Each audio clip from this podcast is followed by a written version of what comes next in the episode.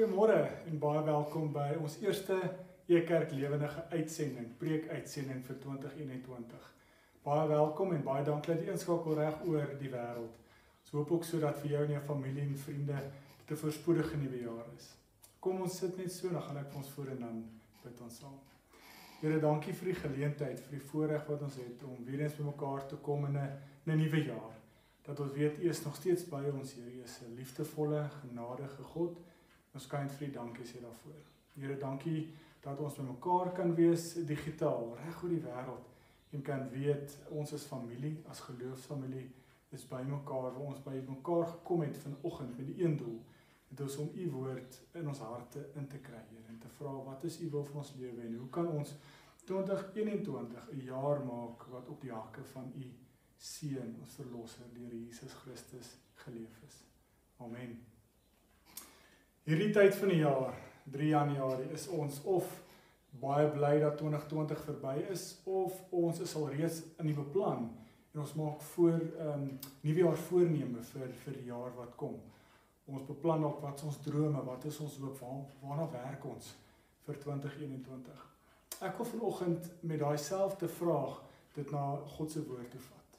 Ek wil vra, hoe sal dit lyk as ons 2021 op die hakke van Jesus leef. Dit is hierdie tyd van die jaar wat ons uit en uit moet vooruit bepaal en vra hoe gaan ons jaar lyk? Waar waarvoor gaan ons werk? En ons as gelowiges, as Christene, volg Jesus. Dit weet ons almal.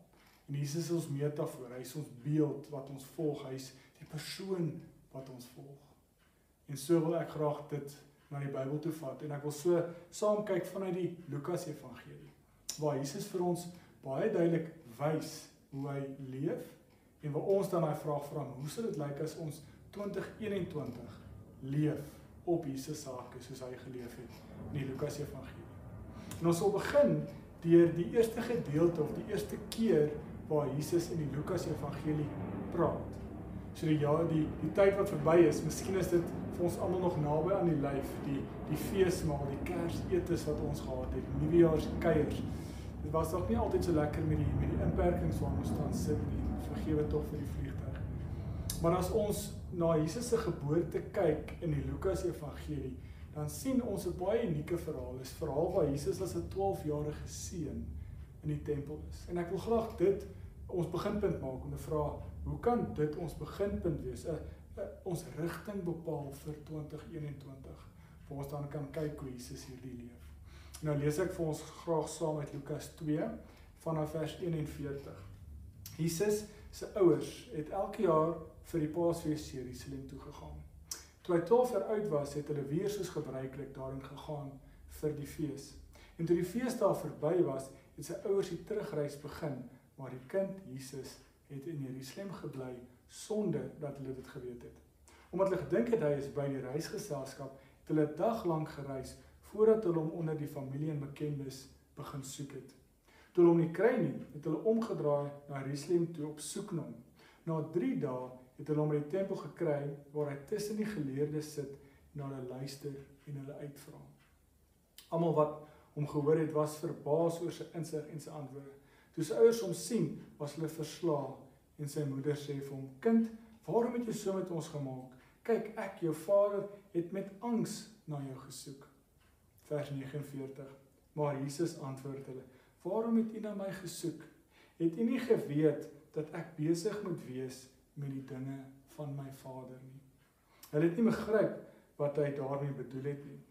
Toe het hy saam met hulle na Nasaret toe teruggegaan en hy was aan hulle onderdanig. Sy moeder het al hierdie dinge in haar hart bewaar en Jesus het verstandelik en liggaamlik gegroei en guns by God en die mense toegeneem.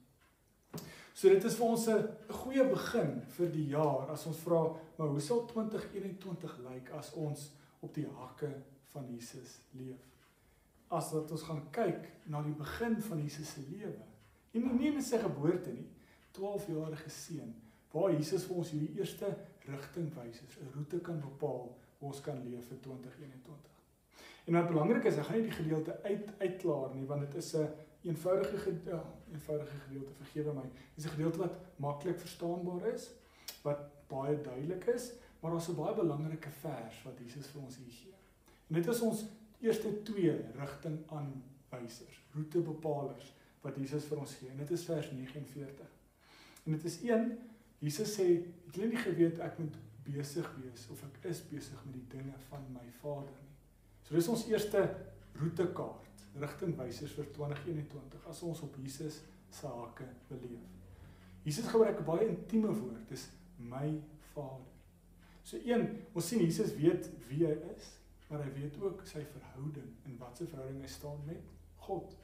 So ons eerste rigtingwyser, mag ons in 2021 in ons persoonlike intieme verhouding met God oefen. Sodat ons ook kan staan en sê, maar dit is ons Vader, dis my Vader. Ek ken hom persoonlik. God is nie iemand wat ver en homself wegsteek vir ons nie. God is Immanuel. Ons het nou net weer beleef in die Kerstyd. Hy's by ons. Hy's nog so lief, meer lief vir ons in die sin dat hy sy gees in ons harte uitstort. So God is nie 'n God wat wegkruip nie. God openbaar homself. Hy openbaar hom elke oomblik van elke dag in ons lewens. En hoe kan ons in daai intieme verhouding met God groei? In die tweede rigtingwyser is mag ons ook besig wees met die dinge van ons Vader. Mag ons ook in 2021 besig wees met die dinge van God. Nou dit is my twee belangrike beginpunte. Want ek gebruik altyd die die die, die verhouding of die beeld skep skiet bietjie kort want dit is 'n aardse wêreldse beeld, maar ek sê altyd indien jy in 'n verhouding staan, goeie intieme persoonlike verhouding met iemand, jou eggenoot, jou kinders, jou ouers, dan leer jy die persoon ken. So deur die lewe saam te doen, deur tyd saam te spandeer, deur die lewe saam te doen, Ja, deur foute te maak en koppe te stamp en te beklei, leer ons mekaar ken. Leer jy wat haar of sy wil is. So die rede hoekom ek dit sê is indien ons een eerste rigting wys van ons verhouding met God groei, dan word hoe meer ons tyd met God spandeer, hoe dieper ons in die verhouding met God staan, hoe meer ons hom persoonlik leer ken, hoe meer word sy wil aan ons bekend want ons leer hom ken. So dit is hoe ons moet vra, maar hoe lyk die dinge? Waarmee moet ons besig wees as ons met God se dinge, God se besigheid, God se wil wil besig wees? Dan moet ons eerstens nader aan God beweeg. Hoe nader ons hom beweeg, hoe meer word dit aan ons geopenbaar gewys. En dis wat Jesus hier vir ons wys. En as ons dan nou op Jesus se hakke volg vir die res van sy aardse bediening, dan dan wys Jesus juis vir ons hoe lyk hierdie dinge van God. Ons hoef nie verder te gaan nie. Ons bly net 'n paar bladsye om in Lukas 4. Dan lees ons waar Jesus nou 18 jaar later, dan weer Jesus se aardse bediening het so begin rondom die 30s en hy was nou 12 in die tempel. So Jesus se eerste publieke optrede, sy eerste preek in Lukas 4 lees ons hierdie dinge van God waarmee Jesus met besig is. Ons lees Lukas 4 vanaf vers 16. Ek gaan dit nie lees nie, maar gaan verduidelik in 'n gedeelte lees. Jesus is in Nasaret soos sy gewoonte was, het hy na die sinagoge toe gegaan. Dit was sy kans om voor te lees en hy lees uit die boekrol Jesaja uit en hy lees vanaf vers 18 in Lukas 4. Die gees van die Here is op my omdat hy my gesalf het om die evangelie, die goeie nuus aan armes te verkondig. Hy het my gestuur om vrylating vir gevangenes uit te roep en herstel van gesig vir blindes, om onderdruktes in vryheid uit te stuur, om die genadejaar van die Here aan te kondig. Net daar het hy die boek toegemaak, amptenaar teruggegee en hy het gaan sit. Toe sê Jesus: "Vandag is hierdie woord wat julle nou net gehoor het, vervul." So hoor baie duidelik wat is hierdie dinge van God waarmee Jesus met besig is. Jesus se hele identiteit, sy hele roeping, sy hele missie is gegrond daarin. Hy moet goeie nuus, die evangelie van God se koninkryk verkondig, die genadejaar van die Here verkondig. En ons sien eintlik ook al reeds bietjie vooruit van aan wie word dit verkondig? Vir wie is die koninkryk? Dis aan die armes, dis aan die kreubles, aan die blindes. En as ons bietjie verder lees, ons kan gaan lees in Nasaret word Jesus, hy maak hulle kwaad en hy jaag hom uit die dorp uit en Jesus gaan na Kapernaum toe en daar doen Jesus klomp wonders en hy genees mense. En dan vanaf vers 42 lees ons weer hierdie baie belangrike woorde van hierdie dinge waarmee Jesus homself besig hou, God se dinge. Ons lees in vers 43. Maar Jesus sê vir die mense Kapernaum wat hom wou hou by hulle: Ek moet ook aan die ander dorpe die evangelie of die goeie nuus van God se koninkryk gaan verkondig, want daarvoor is ek gestuur. So baie duidelik, ons lees in Lukas 2 hierdie dinge waarmee God, ag Jesus homself moet besig hou. God se dinge, sy Vader se dinge. Vanuit hierdie verhouding het hy identiteit. En daai identiteit bepaal hy's gestuur. Dit is sy missie, sy doel om die koninkryk van God gaan verkondig. So is eintlik nie geheim nie. So as ons onsself afvra maar as ons op die hakke van Jesus leef in 2021, dan moet ons dan mos nou ook die koninkryk van God verkondig. En ons kan die res van die Lukas Evangelie gaan lees want elke keer as Jesus met iemand praat, elke keer as hy iemand genees, elke keer as hy iemand eet, elke keer as iemand raakloop, dan is hy besig om die koninkryk van God te verkondig. Maar daar's een gedeelte wat ek graag by vandag wil stil staan wat uh, ek wil dit op 'n manier noem 'n samevatting is, 'n belangrike samevatting van hoe God se koninkryk nie net lyk nie, want ons kan dit gaan lees in Lukas 13. Dis die gedeeltes waar Jesus klomp gelykenisse vertel van hoe God se koninkryk lyk en werk. Maar Lukas 14 is vir ons 'n belangrike gedeelte vandag want ons wil weet, okay, vir wie is die koninkryk? Met ander woorde, as ons in 2021 op die hakke van Jesus loop, ons groei in 'n persoonlike verhouding met God en ons is besig met sy dinge, met sy wil vir ons lewe en ons verkondig sy koninkryk. Met wie moet ons onsself omring? Aan wie moet ons hierdie koninkryk verkondig? Dit is die vraag wat Lukas 14 ons mee help. En dan ook 'n vierde een van hoe hoe gaan dit lyk as ons op die hakke van Jesus loop 2021 en ons verkondig, leef die koninkryk van God. So ek lees vir ons vanaf Lukas 14 oor vers 1. Een gee ons net, ek wil dit lees as 'n vers om te sê in die Engelsman sal sê it sets the scene. Dit verduidelik net vir ons die hele konteks van waarmee Jesus nou besig is. Op 'n Saterdag, toe Jesus na die huis van 'n vooraanstaande Fariseer toe gegaan het om daar te eet, het hulle hom fyn dopgehou. Dit is 'n belangrike konteks van hy's by 'n vooraanstaande Fariseer. Dis die mense met wie hy hier in gesprek tree. Tweedens hy hy's besig om te eet. Hy's aan tafel saam met hulle. En dan lees ons in vers 7. Toe Jesus merk hoe hulle die voorste plekke of die ereplekke by die ete uitsoek, vertel hy aan die genooides die volgende beeldryke verhaal of gelykenis. As iemand jou na 'n bruilof toe uitnooi, moet jy nie sommer op die voorste plek gaan sit nie. Dit kan net wees dat die gasheer iemand uitgenooi het wat belangriker is as jy dan sal hy wat julle albei uitgenooi het na jou toe kom en sê gee 'n bietjie die plek af vir hierdie man. Jy sal dan tot jou skande die agterste plek moet gaan inneem. Maar as jy uitgenooi is, gaan sit liewer op die agterste plek. Wanneer die gasheer kom, sal hy vir jou kan sê: "Vriend, kom sit hier voor." Dan sal jy in die agting van al die gaste styg. Dis 'n belangrike vers. Elkeen wat homself verhoog of wat hoogmoedig is, sal immers verneder word. En elkeen wat homself verneder of wat nederig is, sal verhoog word. Soos 'n gelykenis wat Jesus vertel as hy sien hoe die Fariseërs optree aan rondom etenstafel. Nou 'n belangrike bril of verwysingsraamwerk waarna ons hierdie verhaal moet lees of na kyk is 'n sosiale, ons praat maar van 'n stelsel van die antieke tyd wat hulle praat van eer en skaamte. Die Engels is honor and shame. So dis 'n baie belangrike sosiale norm waarbinne in Jesus hier optree. Nou wat dit behels is eer is 'n verskriklike belangrike status simbool. Dis 'n belangrike iets om na te streef.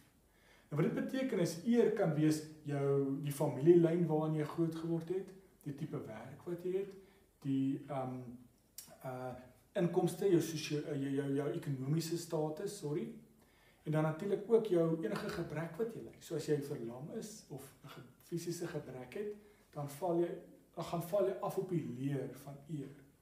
Nou dit is 'n ek wil sê op 'n manier 'n 'n ekonomiese manier ook hoe mense hierna kyk. Want dit beteken indien jy iemand uitnooi na 'n ete toe, dan gee jy hom die ereposisie. Dis een langs die lang langs die gas. So hierdie verhaal gaan oor bruilof. So jy sit langs die bruilofspaar. En dan is dit 'n ereposisie.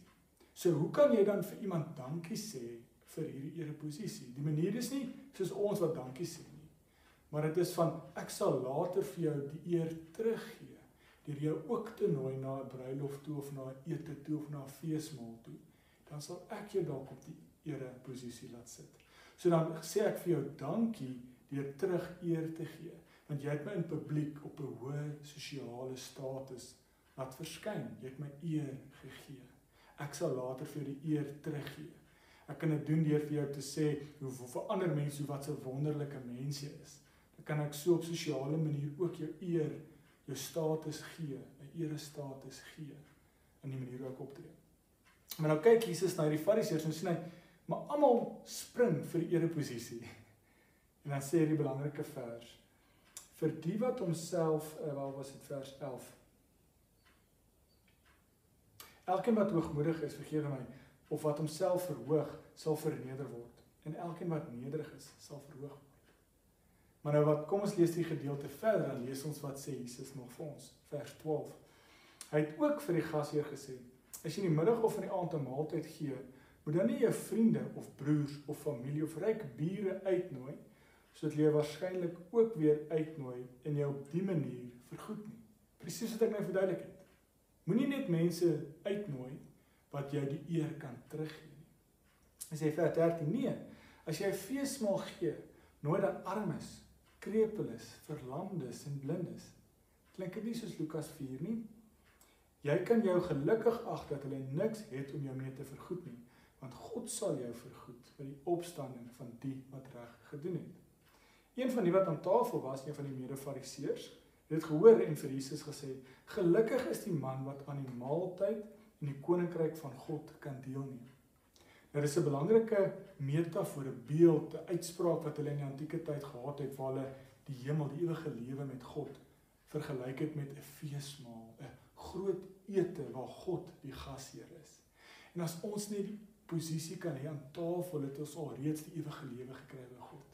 En dis hierdie feesmaal, die ete waar wat daar nie meer trane is, ons trane word afgevee, die pyne is nie meer daar nie. En ons is by die ewige lewe, gelukkige feesmaal vier fees by God. So die Fariseer koppel hierdie ete met hierdie feesmaal, die ewige lewe, die koninkryk van God.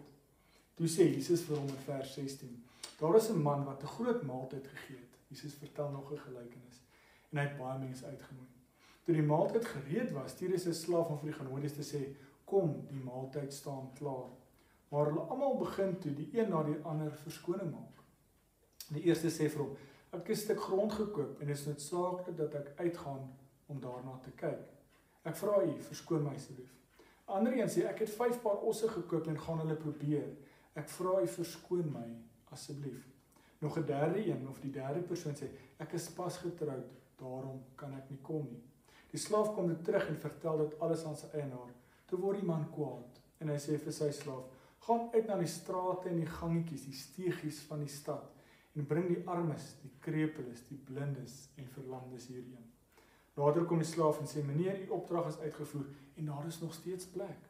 Toe sê die man vir die slaaf: "Gaan uit na die paaie en die voetpaadjies wat buite die dorp is en dring daarop, dring daarop aan om in dring daarop en dring by hulle daarop aan, vergewe my om in te kom sodat my huis vol kan word." Dit verseker ek julle, Nie een van die mense wat genooi is, sal sy mond aan my kos sit nie. So Jesus is baie nie in hierdie gelykenis vat hy hierdie wat die Fariseer gesê het van as ons net in die feesmaal in die ewige lewe die koninkryk van God mag wees. En vertel Jesus hierdie gelykenis wat uit en uit beeldspraak is van God is die gasheer.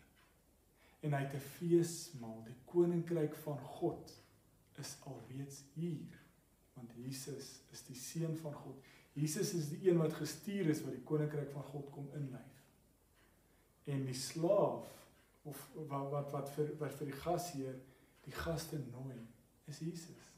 Of Johannes die Doper kan ons dalk maar ook sê want hulle is die mense wat die koninkryk van God voorberei, die pad geleë gery gelyk maak, gereed maak vir die mense. Nou die die reaksies of die verskonings van die drie gaste is baie belangrik. Ons kan maar praat van twee is dalk bietjie swak verskonings, een is dalk geldige verskoning. Maar die eerste een sê ek is jammer, ek het eiendom gekoop, grond gekoop, ek moet daarna gaan kyk. So dis eiendom.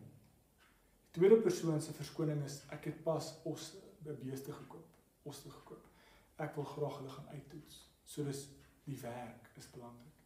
Die derde persoon sê ek is getroud. My familie is belangrik. Ek kan nie na die feesmaal toe kom nie. So as ons dit koppel met die gedeelte wat ons vroeër gelees het van die waarskuwing van hoe jy jou eie eer, jou eie hoogmoedigheid bepaal, is die vraag: bepaal jy jou eer, jou aardse gelukke aan die bates wat jy het, die eiendom wat jy het, die werk wat jy het, of dalk die status of die sukses van jou familie? Want dis wat Jesus hier vir die Fariseërs waarsku. Hy sê God het gekom in die koninkryk, die feesmaal is gereed, maar julle eer is met wêreldse standaarde. Dit maak julle so blind dat julle nie Jesus erken nie. Dat julle die koninkryk mis. En Jesus waarsku ons en die godsdienstige leiers om te sê wat is moontlike struikelblokke wat maak dat jy die koninkryk van God, die feesmaal van God se koninkryk mis? Miskien is ons so besig om te werk aan ons bates. Miskien is ons so besig om te werk aan ons werk, aan 'n vocation, ons beroep. Miskien is ons so besig om seker te maak dat ons familie sukses het dat ons die koninkryk van God mis. So dit is 'n 'n waarskuwing. Maar as ons onsself vra, die eerste vraag wat ons gevra het, hoe sou dit lyk as ons in 2021 op die hake van Jesus leef? En ons vra onsself af maar aan wie verkondig Jesus hierdie koninkryk. Hoe lyk die koninkryk? Vir wie is dit? Dan sien ons juis dat Jesus gekom het om mense in te sluit, nie uit te sluit. En dit is nou teenoor die fariseërs, die godsdienstiges van die tyd, want hulle sluit mense uit. Want hulle lyk nie soos ons nie. Hulle glo nie soos ons nie. Hulle het nie die status soos ons nie. Hulle kan nie ons die eer, die status teruggee nie. So hoekom moet ek hulle nooi? Maar God kom en sê, ek het juis my seun gestuur om dit om die mense te nooi wat dit nie kan terugbetaal nie. Dis genade. Niks wat God vir my en jou gegee het kan ons ooit voor genoeg dankie sê nie. Ons kan dit nooit terugbetaal nie. Maar God is so goed, so liefdevol. Hy gee dit vir ons. So ons het deel aan hierdie koninkryk, hierdie nuwe realiteit, hierdie nuwe wêreld waar God sy seun vir ons gestuur het, waar ons 'n nuwe identiteit het, waar ons as Christene deel kan wees van die ewige lewe saam met God. En as ons op die hakke loop, Jesus volg, dan moet ons ook in 2021 meer mense insluit as uitsluit. Ons moet dalk op begin kuier net met die mense wat soos ons glo of ophou met die mense kuier wat lekker kuiers vir ons kan teruggee. Waarom dalk juis vir die armes, vir die krepeles, die mense wat dit nie kan bekostig nie. Die mense wat dit nie verdien in wêreldse terme nie. Die mense wat nie status het met wêreldse standaarde nie. Dis juis vir hulle vir wie die koninkryk van God hier is. So Jesus het gekom en hy's gestuur deur God om vir almal die geleentheid te gee om deel te hê aan God se koninkryk. Jy moet net jou lewe Godwaarts heroriënteer as jy deel van God se koninkryk. So die vierde rigtingwyser vir 2021. Ons het gesien die eerste een is Mag ons ons persoonlike verhouding met God verdiep, versterk, sodat ons kan bewus raak en besig wees met die dinge van God. Ons het gesien dit is om die koninkryk van God te verkondig, te wees, te leef. En ons het gesien dit is om in te sluit, mense in te sluit, nie uit te sluit nie. Om soos Jesus mense raak te loop wat genade kort. Om mense raak te loop en hulle te nooi vir etes wat nie kan nie om genadig, om God se genade te wees, te wys vir die lewe. En natuurlik om versigtig te wees en ek het dit dalk nou na hart gesê, maar ekonomie, die ekonomiese standaarde van die werk, die ehm um, bates en familie mag dalk moontlike struikelblokke wees. So, dis nie vir God sê ons mag nie hard werk nie of ons mag nie ons familie as belangrik ag nie, nie. Maar as dit 'n struikelblok raak en maak dat dit om seker maak dat ons mense uitsluit in plaas van insluit, dan raak dit 'n struikelblok. So vir God is dit eerder belangriker om te sê, hoe kan ek my bates, my rykdom, my my my status, my eer van my familie, my my werk gebruik om mense in te sluit, deel te maak van God se koninkryk in plaas van uitsluit. Dit is hoe dit lyk as ons op die hake van Jesus loop in 2021. En die laaste en die vierde een um is alreeds ingesluit in hierdie hele gesprek. As jy die evangelie van Lukas gaan lees, dan gaan jy baie vinnig agterkom Jesus is of op pad na ete toe of hy is by 'n ete of hy is op pad terug van die ete af. So baie belangrike manier en jy's hierdie gedeelte, jy's die vergelyking van hoe hulle die koninkryk van God sien, is met 'n feesmaal, is met 'n ete. En dink terug, dalk is dit te naby aan die lyf ons ons Kersetes, ons Nuwejaars etes. En ons sukkel nog om dit dalk bietjie af te kry. Maar mag ons in 2021 meer etes hê. Hoor my mooi, nie meer eet nie, maar meer fees vier. Mag ons geleenthede om ons skep, mag ons bewus raak van God se teenwoordigheid om ons en fees vier en saam met mense brood breek. Mag ons besef op die eenvoudigste manier van ons eenvoudigste behoeftes bevredig van eet en ietsie drink is God by ons. God is so lief vir ons, hy's by ons as ons saam fees vier, saam eet. Mag ons dalk in 2021 bereid wees om saam met ander mense te eet as wat ons standaard mee saam eet. Mag ons dalk vreemdelinge nooi wat nie soos ons glo nie. Mag ons dalk ander tipe mense nooi dat ons nie gereeld nooi vir ete nie. Want in daai ete is ons maskers, ons sosiale maskers, nie COVID maskers nie. Is ons ehm um, letterlike en figuurlike maskers is wat ek soek. Val weg. En dan waar ons mekaar in die oë kan kyk rondom 'n bord kos. Dit is wanneer ons kan God raak sien in mekaar se lewe. Dit is waar mense die genade, die liefde van God beleef. So mag ons in 2021 meer fees vier. Meer kere geleenthede skep om saam met mense brood te breek, met mense te eet. My gebed vir 2021 is is dat ons op die hakke van Jesus loop. Mag ons ons persoonlike intieme verhouding met God aanoefen. Mag ons bewus raak en besig wees met die dinge van God in 2021. Mag ons God se koninkryk uitbrei, bou want dit is wat God wil hê ons moet doen. Ons hoeveel keer opdragte wat sê gaan verkondig die koninkryk van God. Ek en jy moet dit doen. Mag ons bewus raak van die struikelblokke wat verhoed dat ons dit doen dat ons eerder op aardse wêreldse maniere eer, status, sukses meet in plaas van God se ewige lewe. In plaas van God se opdrag wat hy in ons elkeen se harte geplaas het om te sê sluit mense in, nie uit nie. Mag ons saam fees vier met mense vir klein geringste dinge. Mag ons saam met mense brood breek, mag ons saam met mense eet Nog is altyd 'n ekstra tafel aan die plek, 'n ekstra plek aan tafeldek. Want dit is waar God sal opdaag en teenwoordig sal wees en saam met ons kan fees vier. Kom ons bid saam. Here, dankie vir die voorreg wat ons het om reg oor die wêreld saam te kan sit, saam te kan gesels en weet U is by ons. U is so goed vir ons. U is so liefdevol, Heer, dankie. Here, ons verdien nie U goedheid nie, ons verdien nie U genade nie.